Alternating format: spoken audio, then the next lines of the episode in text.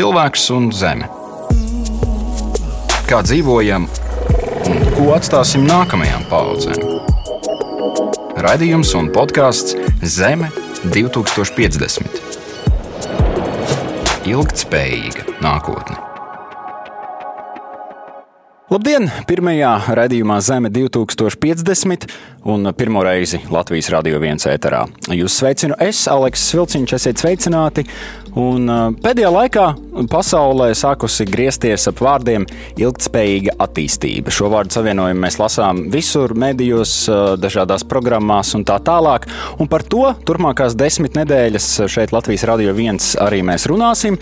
Katru otrdienu pēc ziņām trijos runāsim un diskutēsim kopā ar ekspertiem un jauniešiem, kuri aktīvi darbojas dažādās jomās un piedāvās mums savu versiju par to, kā atbildīgi dzīvot tagad, lai pilnvērtīgi dzīvotu arī nākamās paudzes. Šajā reizē sāksim ar pašiem pamatiem, ar diezgan ļoti plašu tematu. CO2, jeb oglekļa dioksīda pēc nospiedumu, var aprēķināt jebkuram cilvēkam, jebkuram produktam, notikumam, uzņēmumam. Šo sarakstu es varētu turpināt vēl un vēl. Kopā ar ekspertiem mēs pārunāsim, kas tas ir, kā šo pēdas nospiedumu samazināt, kāda ir sabiedrības un arī uzņēmēja attieksme un kā to mainīt, ja tā ir jāmaina. To mēs vēl noskaidrosim. Un arī par to, kā pieņemt ilgspējīgus lēmumus savā ikdienā. Mēs runāsim šajā raidījumā. Ar mani attālināti kopā šodien ir ilgspējas pētnieks un Latvijas Universitātes pasniedzējs Elgars Felcis. Sveiks, Elgar! Sveiki, labdien! Un arī vidas eksperte un ilgspējīga dzīvesveida piekritēja Līga Pakalna Čau Līga. Sveiki visiem! Prieks jūs redzēt, kaut vai attālināti, bet tomēr varbūt sākumā mēs tādu mazu iepazīšanās raundu varam uztaisīt. Varbūt sāksim ar Līgu. Līga, kā tu nonāci vidas jomā un kāpēc šīs tēmas, arī tēmas, par kurām mēs runāsim šajā dienā, tev ir svarīgas? Es uh, vidus jomā nonācu jau pirms kāda laika. Patiesībā pirms desmit gadiem sāku studēt vidus zinātnes studijas. Līdz ar to es varu teikt, ka man šī joma interesē gan personīgi, gan profesionāli. Jo šobrīd arī strādāju kā vidus eksperte uh, dažādos projektos. Un ilgspējības jautājumi man pašai ir arī ļoti tuvi un cenšos samērīgās robežās tos iekļaut arī savā ikdienā.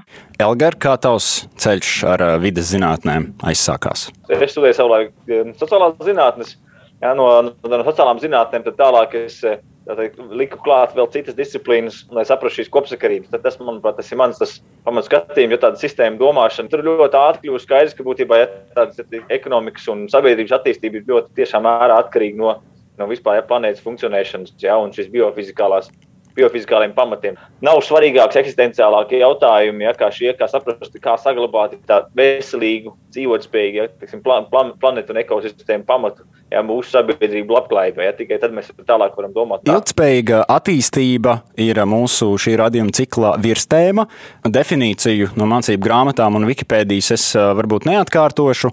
Pirms radījuma domāju, kā lai tā cilvēku vārdiem un pavisam vienkārši pasaka. Tas, kas man ienāca prātā, ir ka tas ir veids, kā jēdzīgi dzīvot tagad, lai arī nākamās paudzes var jēdzīgi dzīvot savā laikā. Kādas ir jūsu definīcijas ilgspējīgai attīstībai un kā jūs uz to skatāties? Līga, varbūt sākam ar tevi. Man šķiet, Aleks, tas nāca ļoti laba definīcija cilvēku valodā, jo tieši tāds arī ir. Tas ir eh, vērsts uz eh, samērīgu, saprātīgu resursu patēriņu, lai arī tie, kas dzīvo pēc mums, var tāpat samērīgi, saprātīgi un baudot dažādus eh, labumus un dabas un citu sistēmu sniegtās iespējas, arī dzīvot. Elgar, vai tā kas piebilstams?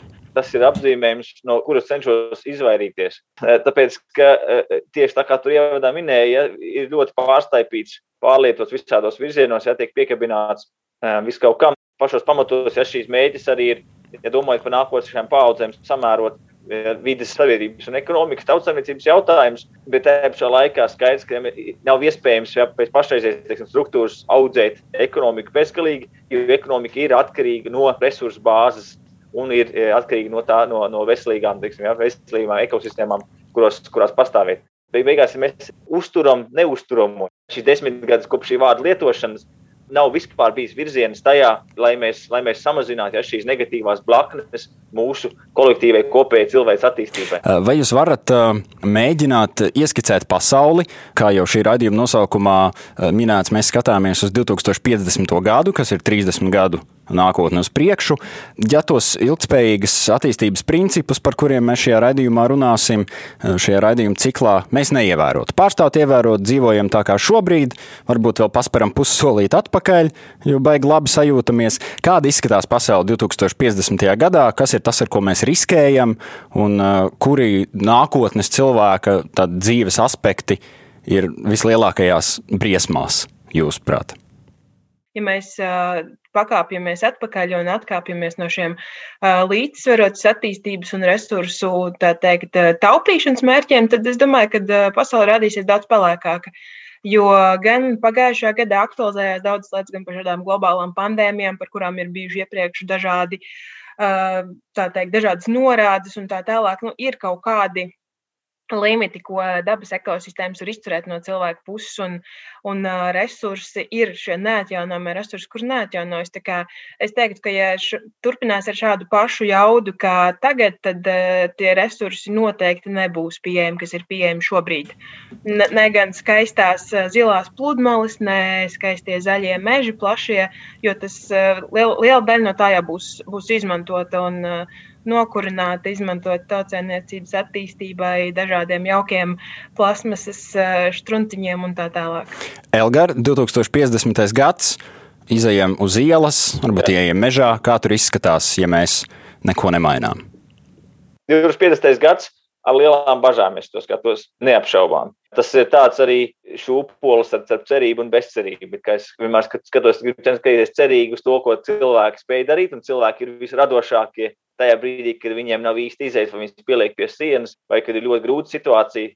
Tad ir tiešām e, daudz, ko mēs spējam mobilizēties un paveikt. Un mēs ļoti labi tuvojamies tādu veidu situācijām. Labi pārzināt, teiksim, sociālās zinātnes, teiksim, tas, tas, kā teiksim, sabiedrība attīstība e, veidojās. Viens tas, ka skatīties tehniski, lūk, mums vajag emisijas samazināt, bet tik un tik, un tad būs viss kārtībā, vai izdarīt to un to, un tad būs viss kārtībā. Tas ir daudz sarežģītāk, un arī vēsture ļoti labi parāda, to, teiksim, cik ļoti grūti ir vienoties, teiksim, panākt globālas vienošanās, to, ka visām valstīm būtu jārīkojas atbildīgi, un ko tas nozīmē, kā šīs politikas panākt, to, kā cilvēkiem panākt kaut kādus ierobežojumus, kas, teiksim, politiski ir super nepopulāri, likt cilvēkiem teikt, ka tu, ka tu kaut ko nevari darīt, vai nevar atļauties, vai mazāk, vai citādāk. Riski salīdzinoši neredzam, tas nav karš, tas nav tanks pie valsts robežām, ja tas ir temperatūras lēna palielināšanās.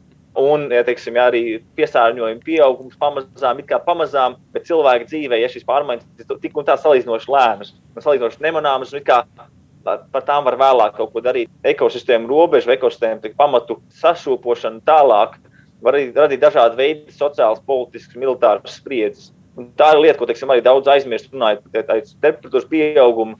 Bet pat neliela temperatūras paaugstinājuma var, var radīt ja, kaskādi ar visādiem efektiem, ietekmējot daudzas valsts šīs sociāla politiskās sekas var radīt ja, tā, tā ģēdes efektu.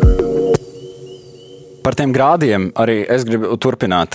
Līga vērsīšos pie tevis. Tātad gandrīz viss, ko mēs darām, lietojam, ēdam, atstāja savu oglekļa nospiedumu. Un varbūt sāksim ar pašu pamatu, tādu mazu, mazu dabas zinību stundu, ko pārtaisam par minūti. Kāpēc pārmērīgas oglekļa dioksīda koncentrācijas atmosfērā ir nevēlamas? Kas ir siltumnīca efekta gāzes, ja tu varētu tā īsi ieskicēt?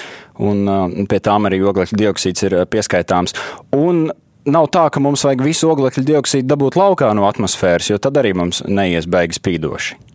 Jā, pilnīgi noteikti mums nevajag viņu dabūt ārā, jo tā ir gal galā dabiska gāze. Vēl varbūt papildinot Elgara atbildes iepriekšējo jautājumu, izvērsto tīri vizuāli 2050. gadā ceļoties šai gaisa temperatūrai, vidējai celsies arī ūdens līmenis, un tad mēs arī Latvijā varam pieredzēt, ka daudzas teritorijas, kuras ir apbūvētas gan Rīgā, gan citur tūmā upēm vai, vai ūdens tilpnēm, vienkārši aplūdīs, un tur vairs nebūs iespējams dzīvot. Bet atgriežoties pie dabas zinības stundas par par CO2 emisijām un siltumnīca efekta gāzēm. Nu, tieši tā kā tu teici, CO2 ir uh, pilnīgi dabīga Zemes atmosfēras sastāvdaļa. dabīga gāze, ko veido ogleklis un skābeklis. Un šī gāze rodas dedzinot, dedzinot koku, dedzinot oglekli saturošas vielas, kā arī, piemēram, šos fosilos kurināmos. Dabā tas ir noticis tūkstošiem gadu un ir bijis šis oglekļa līdzsvars, jo dabisko procesu rezultātā šis ogleklis gan izdalās, gan tiek piesaistīts, ko piesaistamiem koki un, un zaļie augi. Bet uh, problēma sākās pagājušā gadsimtā, kad uh, 20. gadsimta laikā strauji pieauga šī fosilā kurināmā dedzināšana un mežu izciršana par ko paldies arī industriālajai attīstībai. Un skaidrs, ka visi grib dzīvot labāk, rūpniecība attīstās, daudzas tehnoloģijas tika attīstītas pagājušajā gadsimtā, kas mūsu dzīvi padara daudz labākas. Bet eh, līdz ar to mainījās arī Zemes atmosfēras eh, dabiskā oglekļa īpatsvars. Tā, teiksim, tā proporcija, kas tur bija, tika pamainīta. Un šīs siltumnīca efekta gāzes, tā, tas knifs ir tajā, ka viņas absorbē un aizkavē šī infrasarkanā, jeb saules starojuma atstarošanos. Un, nu, mēs visi esam, vai lielākā daļa no mums ir redzējuši, kā izskatās siltumnīca. Un tur, tur ir kaut kāds slānis, kas nelaiž šo siltumu ārā. Nu, kāpēc tur auga un viss pārējais garšaugi var tik labi augt? Tāpēc, ka tur ir siltāks kārpusē. Un tieši tāpat mums ir arī ar ar atmosfēru, jo Zemē apkārt ir šīs siltumnīcas eh, efektu gāzu, tā teikt, šī, šī josla, kas absorbē šo šīs, šīs tas būtu tās sienas siltumnīcai. Jā, tieši tā, tās ir tās sienas, un jo vairāk CO2 mēs saražojam, jo biezāk šī siena rodas, un, un jo vairāk arī mēs uzsilstam. Un tas nozīmē, ka ceļas šī vidējā gaisa temperatūra, rodas citas dažādas izmaiņas, un, eh, protams, ka starptautiskā sabiedrība uh, Tā skaitā arī Latvija tā skaitā ir iesaistījusies un sekošam līdzi. Pirms uh, mēs ķeramies, mēs apskatīsim arī situāciju Latvijā, protams, ar CO2 izmešiem. Uh, pirms tam gan apskatīsim šo jautājumu globāli. Tātad cilvēka aktivitātes rezultātā siltumnīca efekta gāzes koncentrācijas atmosfērā pieaug. Uh, lielvalstis rāda ar pirkstiem vienu uz otru, tomēr liels apņemšanās un mērķi samazināt izmešu daudzumu arī izskan arvien biežāk. Jautājums ir, vai ar to pietiek? Zeme 2050. Citi teiks, ka kāda jēga man ir domāt par manu personīgo individuālu oglekļa pēdu, ja lielie oglekļa dioksīda un citu siltumnīca efekta gāzu emitētāji taču ir lielie uzņēmumi, lielie ražotāji. Ko jūs teiktu šiem cilvēkiem? Par uzņēmumiem mēs runāsim arī pēc brīža, bet ja tagad par to individuālo katra cilvēka atbildību.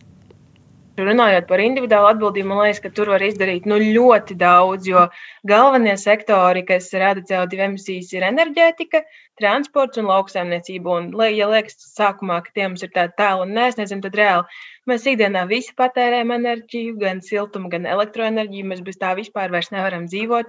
Arī transports, labi, šobrīd mēs pārvietojamies mazāk, bet nu, vienalga mēs pārvietojamies vai nu ar velospēdu, kas ir viena no labākajām izvēlēm, man pašai arī ļoti patīk, vai ar sabiedrisko transportu, vai ar eh, privātu automašīnu. Tas viss to ietekmē. Un arī tu pieminēji šos eh, valstu mērķus. Tad, um, Eiropas Savienībai līdz 2020, 2050. Eh, eh, gadam ir šī eh, klimata neutralitātes stratēģija, kurai ir pievienojusies arī Latvija. Šobrīd izskatās ar Eiropas Savienību ļoti skaisti, ka šīs emisijas tiek mazinātas. Arī, arī Latvija pēc OECD atskaitēm par 19. gadu viņai kopumā ir izdevies samazināt emisijas salīdzinot, kā bija iepriekš. Bet uh, mēs pasūtām ikdienā ļoti daudz preces internetā, un kur tās lielākoties, lielākoties ir ražotas. Austrumzemēs, Ķīnā, kur atkal šis ir gājis milzīgi uz augšu. Līdz ar to mēs katrs ar saviem pirkumiem tieši to ietekmējam. Un tās emisijas pārneses no vienas puses uz otru. Bet cits teiks, ko tad tagad darīt, ja veikalā man nelaiž, man atliek tikai iet internetā un sūtīt no no tālajām uh, zemēm speciāli priekš manis, nevis kā kāds jau pirms tam atvedis. Elgar, uh, kas tev komentējums par individuālām rīcībām?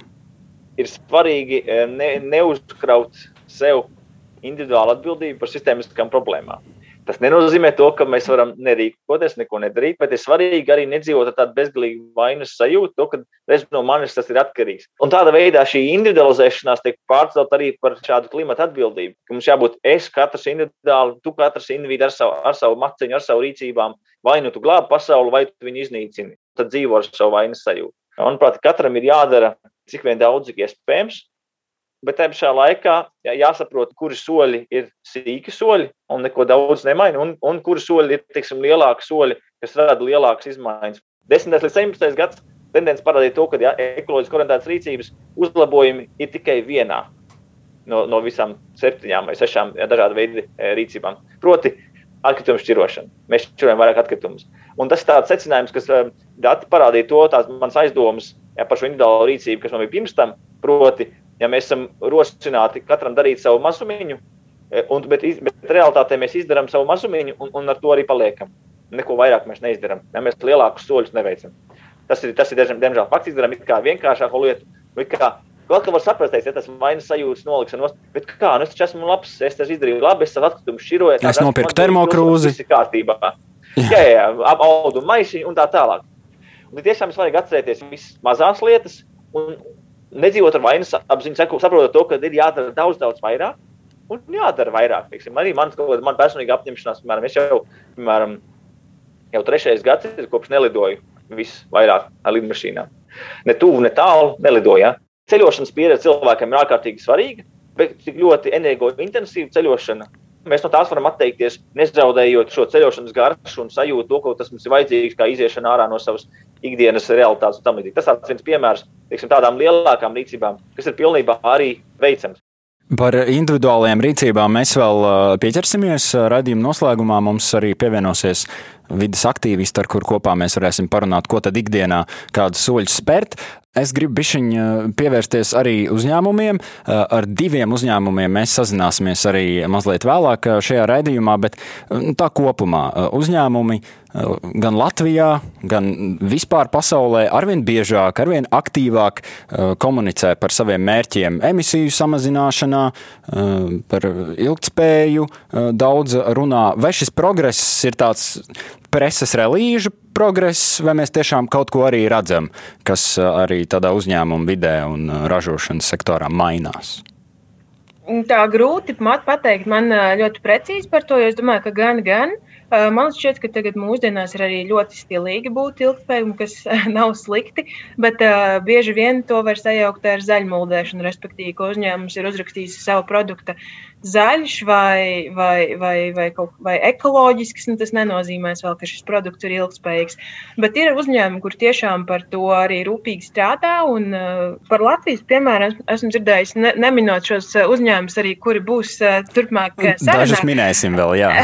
jā, bet vēl papildus, ka ir uzņēmumi, kuri piedāvā tādu klimata aģentūru pakalpojumus, respektīvi, eh, jūs mums samaksājat, mēs iestādīsim kaut kur pasaulē kokus par to, ko jūs darāt, lai mazinātu savas emisijas.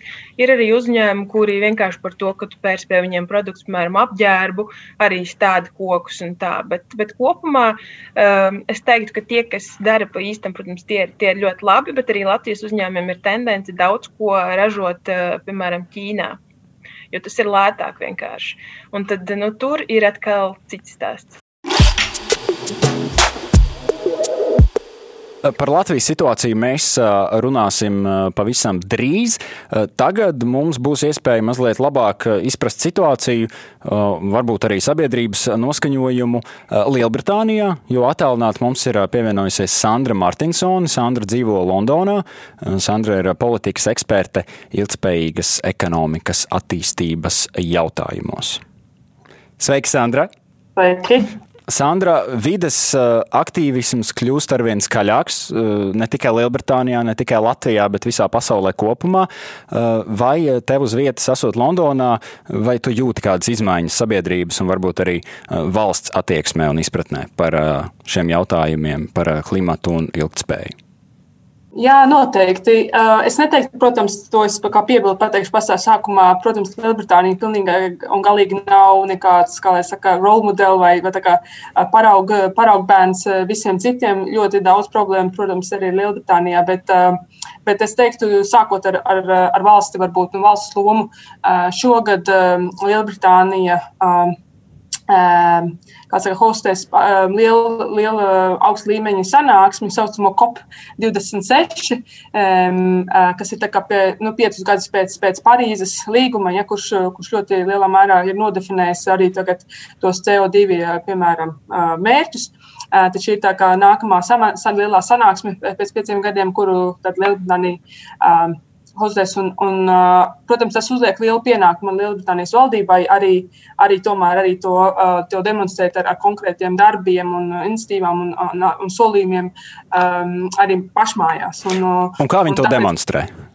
Jā, eh, es vienu ļoti labu piemēru varbūt gribu minēt. Nu, protams, tas ir apņemšanās, bet tas ir diezgan arī konkrēts, eh, kā viņi paši saka, zaļās, eh, zaļā industriālā revolūcija. Tā viņi arī to sauc. Ir tāds dokuments, tā kā desmit punktu plāns, kā Lielbritānija nākamo piecu, desmit gadu laikā tērēs divus miljardus, lai tā tad risinātu šos te, nu, klimatu pārmaiņu jautājumus. Tur, tur pārsvarā tātad lietas ar, ar nu, saistībā saistībā ar enerģiju, ar enerģijas atjaunojumiem energoresursiem pastiprināšanu, vēja enerģija, bet arī ļoti, ļoti tādi praktiski arī par transportu, par, par, par, par zaļiem, zaļiem autobusiem, un, kas, kas iet uz hidrogēnu, nevis, piemēram, uz ne, ūdenredi.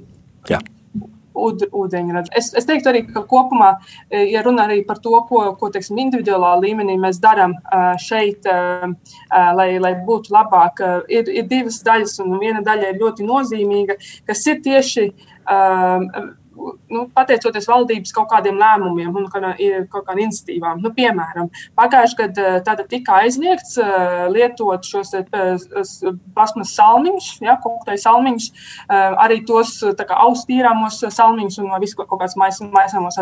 Tātad vienreiz lietojams tāds plasmasas lietas, kas, kas īstenībā ir ļoti liels piesārņojums. Tāpat arī uzlika, uzlika par pienākumu visos veikalos prasīt piecus penijus par, par plasmas maisiņu mārciņu. Tas vien ir samazinājis eh, nu, lielajos, lielajos lielveikalos eh, pieprasījumu pēc maisiņiem pa 98%. Tas, tas ir milzīgi. Tas ir, nu, principā, gandrīz vairs neviens nepērk. Jā, Līga Elgara, es šajā brīdī gribu jūs eh, pieslēgt klāt, kamēr Sandra ir ar mums.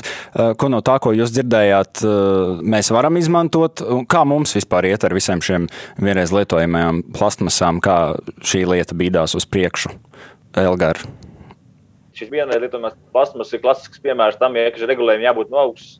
Pilnīgs aizliegums, un tad no tā iziet kaut kāda pielāgošanās, biznesa pielāgošanās, vai kā, kā to izdarīt citādi. Tāpat kā daudziem citiem jautājumiem, galu beigās šis valsts lomai jābūt diezgan lielai tajā, kas definē to, ka, kas ir vēlams, kas nav vēlams, balstoties uz zinātnīs pamatot informāciju, kas, kas būtu jādara, kas, uz ko būtu jāvirzās līdz pat lielajiem mēķiem ar klimatu neutralitāti un tam līdzīgi. Ja, un no tā izriet, izriet tie ierobežojumi vai ieteikumi, ko cilvēkiem darīt. Ja, tas, Un, un tas, ko valsts, kas valsts rīcība var tālāk motivēt, ir arī vien, vēl viena lieta, ko cilvēki var darīt, papildus tādām zaļiem soļiem, ko darīt dienā, ir būt e, politiski, sabiedriski aktīviem. Attiecīgi radīt šo pieprasījumu par to, ka ja mēs, tā ir viena no latiņām, pēc kurām vērtēt jebkuru politiķu vai viņu, ja viņu teiksim, ilgspējību ja, un klimata krīze ir viņa dienas kārtībā vai nav.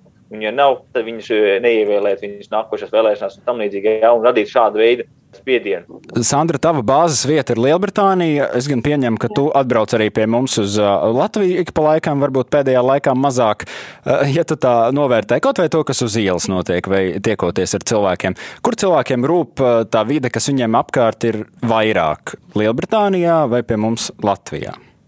Jā, nu, to grūti varbūt uh, salīdzināt, ja, ja godīgi, jo nu, es, es pati dzīvoju Londonā, un, protams, Londona ir mm, milzīga metropole, un uh, salīdzinot. Uh, Latvijā, Lat, Latvijā tie izmēri ir mazāki, un, un Latvija, protams, ir zaļa. Īpaši, tas īpaši izkur, uz, uzkrītoši izbrauc uh, ārpus, um, ārpus Rīgas. Bet, um, bet domāju, tā teiksim, no, no Eh, no varbūt tiešām šādiem ilgspējības kaut kāda eh, tāda skatu punkta. Um, nu, manuprāt, ka Latvijā, Latvijā varbūt ir tā, tā problēma, ka nu, tā, tāda varbūt vairāk centrēšanās uz sevi un to, kas tev ir izdevīgs. Un, un, un, protams, vismaz šobrīd e, tā ir taisnība, lai izvēlētos izstrādājumus, kas varbūt ir dabai draudzīgāki un, un, un nākamajām paudzēm draudzīgāki. Viņi, viņi ir dārgāki. Un, un, un es domāju, ka šeit varbūt e, to var novērot vairāk, ka cilvēki arī ir gatavi bieži maksāt vairāk par, par labāku, labāku preci, kā varbūt Latvijā.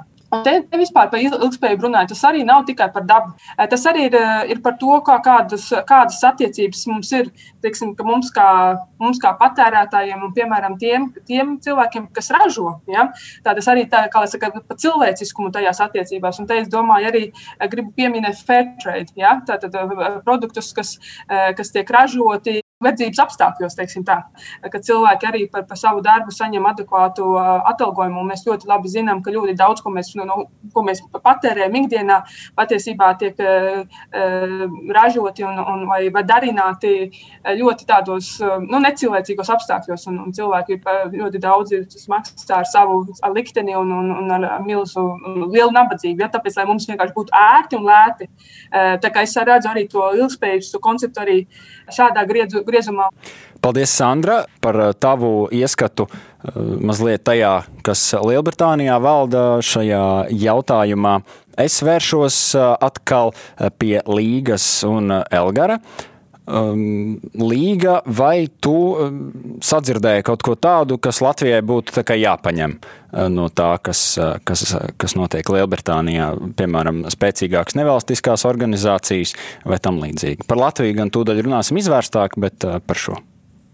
Man šķiet, jā, grūti man teikt par Lielbritānijas situāciju, bet man šķiet, ka Latvijā pēdējā laikā nevalstiskās organizācijas teikt, pieņem, pieņem savus spēkus. Un patiesībā arī tie piemēri, ko Sandra minēja par šiem plasmasas maisiņiem, tas ir ļoti klasisks piemērs, kā padarīt teikt, mazāk konkurētspējīgu šī vid, šīs vidē nedraudzīgās izvēles, pievie, pievienojot ekonomiskos instrumentus. Respektīvi, kad šīs dabai, dabai un vidēji nedraudzīgākās preces maksā vairāk, un savukārt stimulējot, piemēram, vidē draudzīgākas preces, kā piemēram bioloģiski audzētas produkts ar šīm subsīdijām zemniekiem un tā tālāk šīs, šīs pilnīgi, pilnībā piekrītot Elgaram, ka jābūt arī teikt, signālam no augšas un, un, un, un šīm secībām un aktivitātēm no augšas. Tad šie ir lieliski piemēri. Runājot par ilgspējīgām izvēlēm, ikdienā vairāk izvēlēties varbūt dārgākas, bet labākas lietas. Um, man arī tur gribētos teikt, ka attiecībā gan uz ekomarķējumiem, gan uz tādām lietām, ka Latvijā arī šī kultūra mainās uz labu, jo Piemēram, arī vidē draudzīgi un, un dabīgi produkti, kas ir ekocertificēti un dabīgi, un tur nav tikai uzrakstīts zaļš un dabīgs un eko, bet kuri tiešām tādi arī ir. Uh, patiesi izturot dažādus šos kritērijus, ka tie ir kļuvuši daudz pieejamāki vidusmēra un ne tikai vidusmēra cilvēkam. Un mums nav vairs plauktos, nu, tā teikt, lielākos plaukti ar īpašajiem ekomarķētajiem produktiem. Viņi pat daudz sadzīves ķīmijas maksā tikpat vai pat lētāk kā populārie masu produkti. Es teiktu, ka man ir prieks par tām tendencēm, kas ir, kas ir Lielbritānijā, un es redzu arī kaut kādu atblāzmu no šīm tendencēm arī Latvijā pēdējos gados. Šajā brīdī teikšu paldies Sandrai eh, Martinsonai no Lielbritānijas un tā tā. Mēs savukārt dodamies tālāk. Es atgādinu klausītājiem un skatītājiem. Šodien mēs pārunājam to, kas ir oglekļa pēda un vai tā samazināšanai eh, tiek darīts pieteikami. Ar mani attālināts studijā ir ilgtspējas pētnieks, Latvijas universitātes pasniedzējs un arī atvērtās saimniecības zāle Ladiņa vadītājs Elgars Felcis un vidas eksperta eh, Baltijas vidas fóruma pārstāve Līga Pakalna. Zeme 2050. Eh, situācija Latvijā. Arī pie mums klimata aktīvisms aug. Eh, sociālajos tīklos ar klimatu saistītus ierakstus kaut vai mēs redzam ar vien vairāk, kaut vai tāds triviāli norādi uz to. Un, Kā oglekļa emisiju kontekstā uz pasaules fona izskatās Latvija? Ja es varu sākt. Viena no pamatlietām ir, protams, enerģētikas sektors, kas kurai valstī rada lielu daļu no viņu emisiju bilances. Ja Latvijas gadījumā tas salīdzinoši mazs iedzīvotājs skaits, nepilnīgi 2 miljoni, no kuriem ar elektroenerģiju var apgādāt lielā mērā 3 HES kaskādi uz Daugavas. Ja, tas reiz rada lielu atšķirību nekā, piemēram, ņemam Poliju, 38 miljonu cilvēku. Un, 85% vai 90% akmeņu ogles e, kā energoresurss. Ja, tā, kā, e, nu, tur, tā ir liela, pirmā liela atšķirība. Ja teiksim, mēs ņemam kaut kādu pašu mūsu kaimiņu valsts Igauniju, atkal viņiem ir slānekļi. Degslāneklis, ko viņi dedzina līdz ar to arī kā viens no energoresursiem, kas atkal savukārt viņu to, ja, emisiju bilanci uzšauj uz iedzīvotāju ļoti augstu. Pašai it kā salīdzinoši labā situācija rada tādu attieksmi, ka Tāpēc mums nekas daudz īpaši vairs nav jādara. Ja, Kāda mēs esam labi, ja tur eh, energo attiecīgi atjaunīgu energoresursu. Mēs esam trešie pēc Zviedrijas un Somijas, cik super, vai labi, ja Eiropā ņemot, piemēram tā situācija, ka mums jau ir labvēlīga, vajadzētu nozīmēt to, ka mēs izvirzām ļoti ambiciozus mērķus, kas ir pilnībā sasniedzami un arī pilnībā, pilnībā ekonomiski pamatoti. Līga, tev kas piebilstams? Jā. Jā, man ir šis piebilstams. Elgam, pilnīgi taisnība par enerģētiku. Tur mēs kaut kādā mērā guļam uz pagātnes lauriem, jo vēsturiski Latvijā šī enerģētika tiek iegūta no hesiem. Un šīs hidro, hidroelektrostacijas, ja ūdens enerģija tiek šobrīd uzskatīta par atjauno, atjaunojumu energoresursu Eiropā, bet nu, tas arī nav tāds ļoti stabils solis, jo par to arī diskutē, ņemot vērā, nu, katram enerģijas avotam ir ietekme uz vidi. Un, uh, respektīvi, ja kādā brīdī šī hidroenerģija netiktu vairs uzskatīta par atjaunojumu, tad Latvija būtu ļoti sliktā situācijā. Švakāk mums ir transporta sektorā. Tur mēs Eiropas Savienības mērķus neizpildām šobrīd par to atjaunojumu enerģētiku transporta sektorā. Enerģētikā mums nu dienu iet, iet visai ok. Bet, protams, ka ir liels potenciāls uz izaugsmi. Riska faktors tur ir enerģētika arī šis eh, vispār skatījums gan eh, Eiropas līmenī par to, ka biomasa tiek kvalificēta arī kā atjaunīgs energoresurss, kas pēc būtības ir. Bet ja šobrīd ir tādas riskantas tendences, ja, ka Latvija un Igaunija ir viena no lielākajiem biomasas eksportētājiem, lielā mērā šis koku granulas, kurš atkal rietumē Eiropā ja ir lielas eh, akmeņogļu spēkstacijas, kurās gāž koks, koksnes granulas lai aizstātu, to, aizstātu ja, šo fosilo ar atjaunīgo. Ja, tur radas, rodās šie tehnokrātiskie vai tehniskie riski. Tajā, ka lūk, viņi rēķina, lūk, mums tagad mūsu milzīgajai spēkstacijai emisijas ir nulle. Tāpēc, mums ir atjaunīgais resurss. Skaidrs, ka dedzinot koku emisijas nav nulle. Pirms kāda gada bija arī aktīvisti no, viens aktīvists no Skotijas un no ASV. Tieši runājot par šiem jautājumiem, ja viņi redzēja arī šīs tendences Amerikā, cik ļoti īsā laikā burtiski eksplodēja ja, šī koksnes granulu industrija ar, ar, ar milzīgiem pieprasījumiem no Eiropas spēkstacijām. Ja, un redzot tos pašus riskus, kas attiecās uz Latviju un Igauniju, ja, arī, ja, arī milzīgs, milzīgs pieprasījums no Rietumē Eiropas pēc Latvijas granulām. Vairākas valstis ir ierakstījušas savos Excelos, gan Latviju, gan Igauniju. Mums pat nav tik daudz meža, cik viņi gribētu dabūt no mums granulas. Tas ir riskants, bišķi faktors kaut kam tādam, kas pēc būtības ir atjaunīgs. Jā, bet tas jā, šādā milzīgā industriālā līmenī kļūst paigais risks. Pieķersimies uh, Latvijas uzņēmumiem. Arī Latvijā darbojušies uzņēmumi uh, ārēji arvien biežāk komunicē par saviem uh, ilgspējas mērķiem.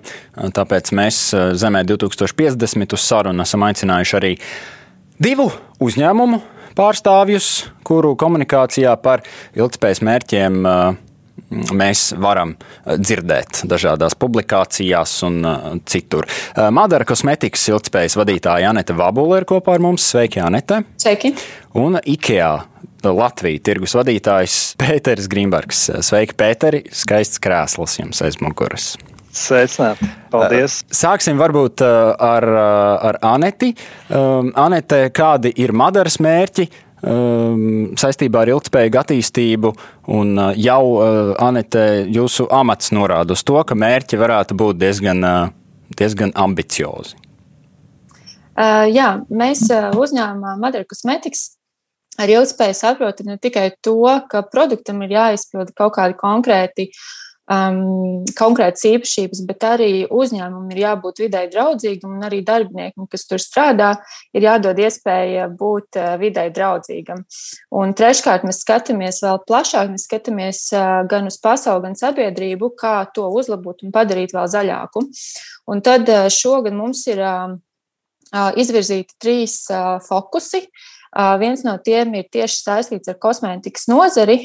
Tas ir plasmas iepakojums, kas ir ļoti liela problēma pasaulē. Un mūsu mērķis ir tātad arvien vairāk izmantot plasmas materiālu, kas jau pasaulē eksistē, nevis radīt jaunu. Tātad mūsu iepakojumos arvien vairāk izmantot šo post-consumer recycle, ja pārstrādāto materiālu. Otrs mērķis ir apzināt CO2 izmešus, ko rada transports mūsu madaras produktus pārvadājot un saprast, kā šos izmešus mēs varētu atsvērt. Un trešais fokus mums šogad ir veikt vēl detalizētāku atkritumu, nešķirotu atkritumu auditu un saprast, ko no tā mēs varam arī pārstrādāt. Jautāšu arī par konkrētām iniciatīvām no jūsu uzņēmumiem, kur jūs aicināt savus klientus iesaistīties dažādos veidos. Pirms tam Pēterim no IKEA Latvija arī vaicāšu to pašu, kas ir jūsu fokusi un mērķi ceļā uz ilgtspēju. Sveiki!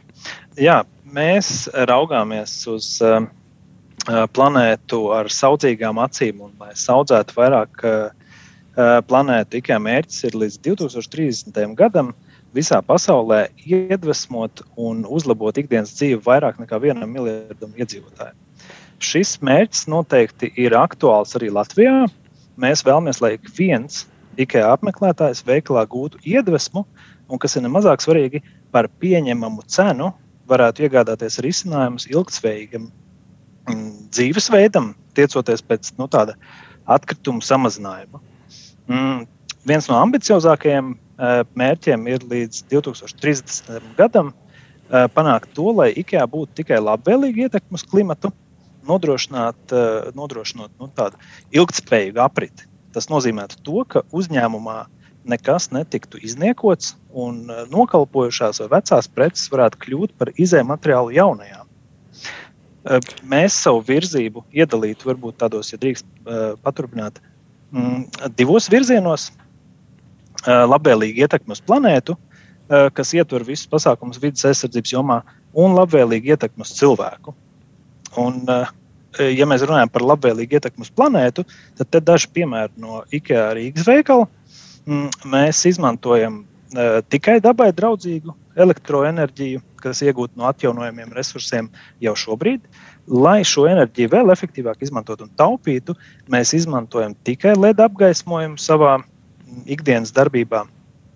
Tāpat tirzniecības telpās ir izvietoti uh, gaismas sensori, uh, un attiecīgi elektri, elektrība automātiski izslēdzas tajās zonās, kur mēs uh, neesam jo nu, veikals darbojas 24 stundas diennaktī mūsu skatījumā.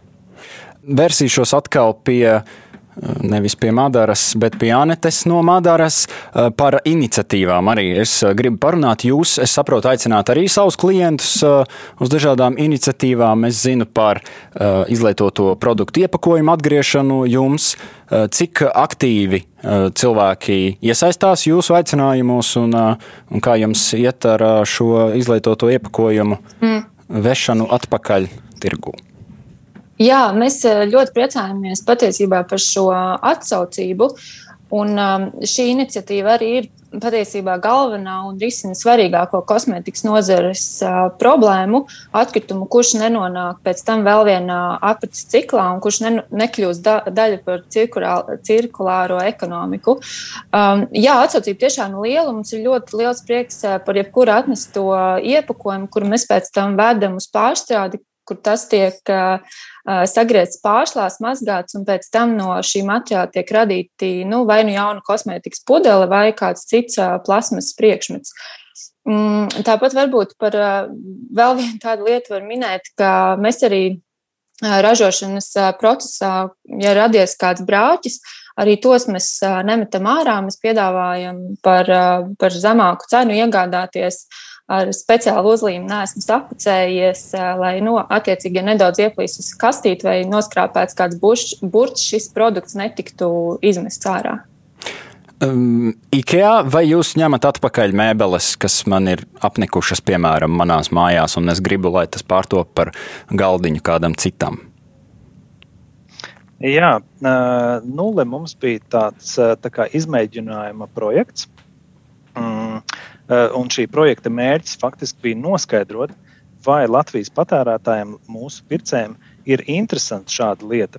Eh, mēs eh, izveidojām šādu projektu, un trīs nedēļu laikā saņēmām aptuveni 300 pieteikumu ar mēbeļu atpirkšanai.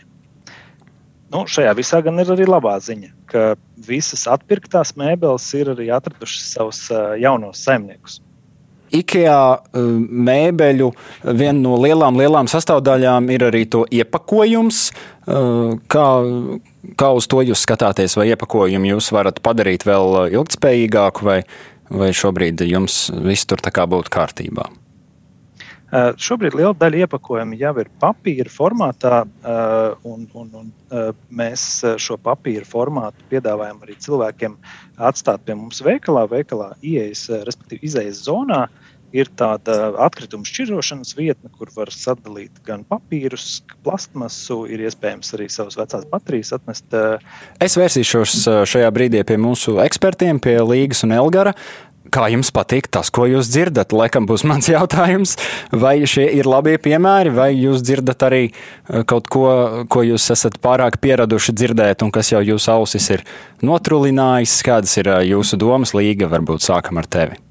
Es atbildēšu, sēžot uz IKEA divāna pirms sanāksmes, eh, pirms šīs sarunas sasmēju rokas ar Madaras roku krēmu, tā kā es būšu ļoti objektīva. Bet runājot nopietni, tad uh, man šķiet, ka šie uzņēmumi ir eh, labs piemērs tādā ziņā, ka viņi strādā ar certifikātiem, piemēram, Madaras kosmētika, cik man zināms, ir ekocertificēta ar ekocertifikātu, kas ir viens no tā teikt, populārākajiem un nopietnākajiem certifikātiem. Tas ir labs uh, garants, ka, ka par kosmētikas sastāvu viņi patiešām runā taisnību un uh, arī par arī pozitīvi vērtēja šo depozītu sistēmu. Madara, kā visai liels ražotājs, var tiešām to, to labi ietekmēt. Un, Var teikt, ka esmu arī viens no tiem, kas ir atgriezies depozītā šo iepakojumu par uh, IKEA. Cik man zināms, arī ir šī FSC certificētā um, koksne tiek izmantota. Uh, Un Jā. varbūt varu pajautāt ātri pārstāvim, kā ir ar produktu šiem piegādes ķēdēm, cik ir daudz no Latvijā ražot produktu, jo cik zināms, tad ir Latvijā uzņēmumi, kas ražo pēcpasūtījumus tieši IKEA. Jā, Latvijā ir vairāki uzņēmumi. Mm, es detalizētāk nekomentēšu par, par tieši ražošanas procesa gaitu. Es drīzāk likšu uzsvaru uz to, ka ne tikai mazumtirgotājiem ir svarīgi šie FSC certifikāti, bet arī mūsu sadarbības partneriem. Un ir skaidrs, ka IKEA sadarbojas ar vairākiem simtiem piegādātāju un vēl vairāk apakšu uzņēmēju. Mm, Un tajos, tajos visos sadarbības modeļos ir iekļauts mūsu ētikas kodeks, kā mēs viņu saucam, ir iWay, IKEA Way, lai nodrošinātu to, ka mūsu sadarbības partneri ievēro tādas pašas stingras prasības, uh, gan vidas un sociālās atbildības jomā, kā mēs to darām. Paldies, Elgar, vai tev vēl pirms mēs laižam mūsu uzņēmumu pārstāvis uh, tālāk, ir kas piebilstams?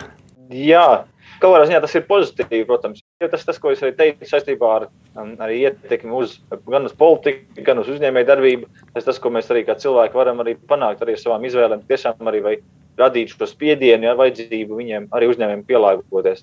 Ja skaidrs, ka vienmēr daļa no tā ir daļa no kļūst mārketingu. Tad kā vienmēr kaut kur gadās kaut kas nedaudz, nedaudz patiesa mērķi un nedaudz no greenwashing, ja tas eh, ar to nākās pagrākot gan maziem, gan lieliem uzņēmumiem cik es arī zinu, IKEA ir viens no lieliem Latvijas eh, meža īpašniekiem, eh, ļoti liels teritorijas un eh, arī turpina iepirkt.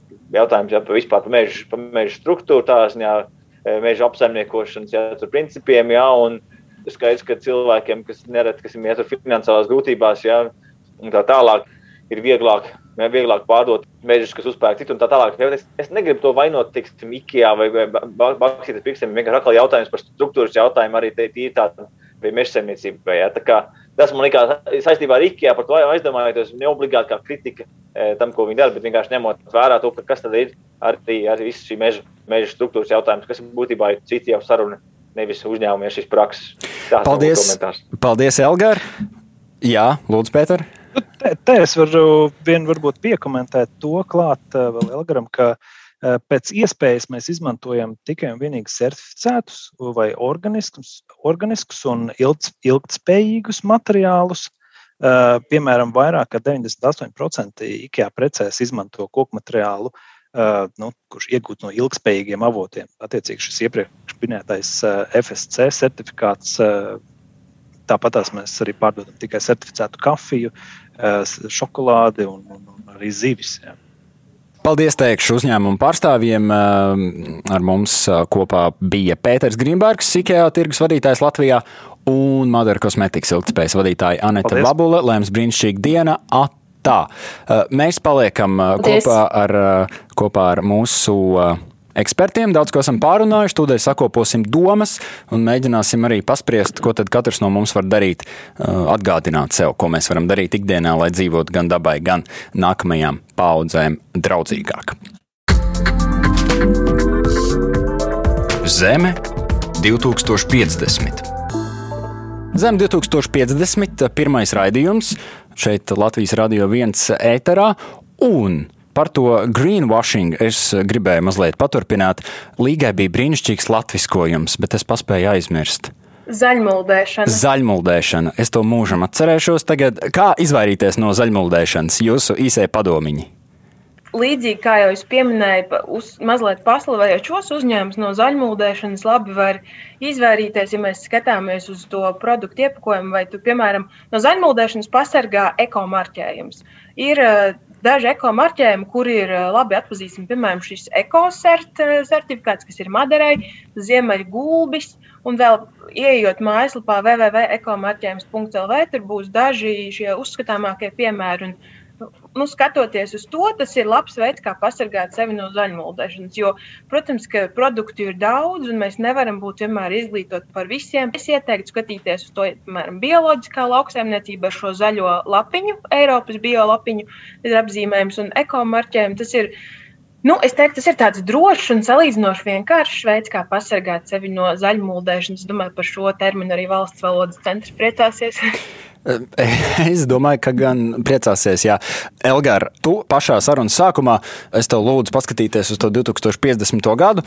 Tu biji satraucies, gan jau, ka tu esi satraucies joprojām, neko lielu mēs neesam atrisinājuši, bet kopumā tu jūties optimistisks vai tu jūties pesimistisks šajā brīdī pēc, šī, pēc šīs sarunas? Jā, nu, ir tāda frāze, ka jebkurš pesimists ir labi informēts optimists tāds puses pa jokam varētu teikt. Um, es domāju, ka jebkurš no klausītājiem, jo vairāk teiksim, cenšaties iedziļināties šajos jautājumos saistībā ar e, ilgspēju un klimata krīzi un bioloģiskās daudzveidības sabrukumu un um, citiem eksistenciālām problēmām. Jo tā šķērmāk vai nē, tā paliek ap sirdi tā likās, man, varbūt, tu man nav tik traki, varbūt būs viss kārtībā un tam līdzīgi. Ja? Ir ir šī tāda, tā tāda neviļas tāda tendence vai vēlme atrast arī e, daudz ja, šīs pozitīvās ziņas. Es domāju, tā man, man personīgā teiksim, izvēle ir tāda, negluži dzīvot pēc loģikas, to, ka, nu, kā redz, kā es tagad pasauli glābšu, vai tagad es tagad esmu, esmu hobija zemniekam, smiltenes novadā, vai tos tagad glābi pasauli vai neglābi pasauli. Man loģika ir cita, loģika ir tāda, kā es varu glābt kaut ko mētiecīgi, e, izdarāmi savu spēju robežās, bet kaut ko. Kaut ko tajā ekosistēmā, kurā es dzīvoju, tajā pašvaldībā, kurā es kaut ko varu ietekmēt, valsts mērogā, esot kā aktīvists, students, mācot universitātē un runājot. Ir, ir šie, šie izvērtējumi, es saprotu to situāciju. Un e, situācija tiešām ir ārkārtīgi satraucoša. Ja, tur es negribu liekuļot. Kā tu minēji par tām mazajām lietiņām, un uh, varbūt ne visas pasaules glābšanu, bet par vismaz savas pasaules glābšanu uh, mums uh, tūdaļ attālināti pievienosies uh, vidas aktīviste, uh, entuziaste, tā varētu teikt, uh, Kristiāna uh, Griķe. Varbūt nedaudz uh, iedvesmosimies un ņemsim piemēru, uh, kā samazināt savu ikdienas ietekmi uz vidi un arī to nākotnes cilvēku, kuru mēs vēl uh, neredzam. Sveiki, Kristiāna! Kristiānu es nedzirdu. Ceru, ka Jā, sveiks, tagad dzirdu. Čau, čau. Vai tu jūties uh, optimistiska par to, ka kaut kādus ilgspējas mērķus mēs un klimata mērķus tomēr sasniegsim? Kaut vai tajā pašā 2050. gadā. Jā, īsumā uh, padziļināt Es jūtos ļoti pārliecināts par savu, savu līdzcilvēku un vēl arī nozarē strādājošo darba efektivitāti un ar vienu augošu individu um, darbī, aktīvu darbību savu dzīvesveidu ietekmes samazināšanā. Uh, tas, cik globāli uh, tiks mērķi sasniegti, nu, to man ir grūti prognozēt. Mēs gribam no tevis uh, iedvesmoties šajā brīdī, raidījuma, uh, raidījuma noslēgumā. Vai tu vari ieskicēt, uh, kādas darbības tu veic savā ikdienā, vai tieši otrādi, kādas darbības tu neveic savā ikdienā, lai samazinātu savu oglekļa pēdu, par kuru mēs runājām šajā reizē, un vispār mazinātu savu ietekmi uz lietām, kuras mums nevajadzētu ietekmēt tomēr? Jā, es saprotu, ka fokus ir tieši uz individu dzīvesveidu. Tāpēc savu darba fokusu es izlaižu šajā gadījumā. Vieglākais, ko ir darīt, ir uh, gatavot pašiem savu ēdienu un ēst ļoti daudz dārzeņus un um, augļus, kuru iegādi var um, veikt bez iepakojuma, uh, vienkārši turot sev kabatā vai, vai somiņā mazos maisiņus. Turpat nav liela pūle, vienkārši ejot jebkurā brīdī, jebkurā veikalā var nodrošināt savu teiksim, vakariņu maltīti mm, pilnībā bez iepakojuma, iegādāties, un to var darīt jebkurā vietā. Um, ko man patīk pašai ieteikt, ļoti cilvēkiem ļoti interesantas um, uh, atsauksmes ir par savas miskastes inventarizāciju. Vienkārši paskatīties, tiešām, kas ir tavā miskastē, kas ir tas, ko tu vienmēr lieto, un vai ir iespēja to pagatavot pašiem, piemēram, humusu vai marinētus gurķus. Man ļoti patīk ieteikt cilvēkiem taisīt marinēšanas tusiņus, kur ar ģimeni vai uh, draugiem var salasīties tur, teiksim, gurķu sezonā un samarinēt sev visam gadam gurķus. Tādējādi ietaupot ļoti daudz stikla tēras gadījumā, ja uh, tas tiek patērēts ļoti daudz un uzkrāt savu radušos iepakojumu nedaudz ilgāk, nevis uzreiz iznest miskasti, bet paskatīties to mm, radīto atkritumu, kas ir tas, ko tu radi un cik, cik ilgā laikā. Tas, tas dod tādu prie, priekšstatu ļoti skaidru par to, um, reizē aizdomāties, ka visas lietas jau no kaut kurienes nāk un visa ražošana visa aizņem kaut kādu apjomu. Uh, un paskatīties, cik ir tas tavs gada apjoms, ne tikai nedēļas uh, izkastes apjoms, bet paskatīties un iztēloties, no kurienes tas nāk, kāds ir ražots, un varbūt, ka var darīt labāk. Paldies Kristiānai Grīķei par, vai mūsu ekspertiem ir kaut kas piebilstams, kaut kas, ko arī no Kristiānas minētajām lietām jūs darat. Varbūt jūs Kristiānai kaut ko jaunu gribat ieteikt, kā papildināt savu dzīvesveidu. Man šķiet, ka Kristiānai bija ļoti forši piemēri par eh, to, kā ņemt līdzi maisiņus eh, uz veikalu un arī par tiem marinējumiem. Man liekas, tas ir ļoti labs veids, kā saglabāt mūsu sezonālos dārziņus. Un es gribēju tikai piebilst, ka manā sociālajā burbulī, sociālajos tīklos arvien vairāk eh, klīst tāda frāze, ka mums vairāk vajag cilvēkus, kas nedara perfekti, bet dara nekā, nekā pāris cilvēkus, kas dara perfekti, lai vairāk ir to, kas dara neperfekti. Un piekrītu arī Elgar iepriekš minētājiem, ka nešaustīt sevi par to, kas nesanāk, bet nu, priecāties par to, kas sanāk. Nu, kā redzams, Kristiānai ļoti labi zināk atkritumu šķirošana, tad nu, arī uz to vairāk spiest. Un, un, un jā, man šķiet tas ļoti forši es tikai atkārtoju to, ka man pat ir svarīgi darīt ja, visu, kas mūsu mūs spēkos, ja, bet tāpat apzināties, ka arī cik daudz vēl uz priekšu um, arī jādara nepieņem, ieteikt arī nepieņemt ja, šo pasaules kārtību, kāda ir šobrīd, kā paši par sevi saprotam. Tā ziņā, ka viss pārējais ir tā, kā mēs esam pieraduši, tikai pamainīt šo un to nedaudz dažus sīkumus. Visas rīcības, kas e, veicina mūsu, um, mūsu prasmes, noturību, neatkarību e, no neatkarību no jebkā, ja, ir tās, tās prasmes, kas man pieredzes, kas mums ir ļoti noderīgas. Vai nu mācīt marinēt gurķus, kā Kristiāns saka, vai, vai spēt spēt savu eh, mājokli uzbūvēt, vai nosiltināt, vai uzturēt, zināt, eh, spēt eh, dārzā rīkoties, spēt sadarboties ar citiem, kas varbūt pat ir vēl svarīgāk nekā konkrētas mazas prasmes. Jo ja mēs katrs konkrēti savas mazas protam, bet kopā neprotam, tad arī ir tā problēma. Tāda pieticība vispārējai dzīvē. Iedomājieties, cik forši būt pieticīgiem, ja cik daudz ātrāk kļūst laimīgs. Ja, ja prasības ir tādas pāri cauri griestiem, tad nekad nestaigā visu dzīvi nelaimīgs. Ja prasības ir pieticīgas, tad ļoti ātri es apmierināts ar lietām. To arī var ieteikt. Visi tikko māja ar galvu, un es domāju, ka tas arī brīnišķīgs brīdis, lai, eh, lai šim raidījumam liktu punktu. Eh, paldies eh, Kristiānai Griķei, kas pieslēdzās pie mums uz raidījuma beigām. Paldies mūsu šīs dienas ekspertiem, vidas ekspertei Līgai Pakalnai un ilgspējas pētniekam Elgram Felcim.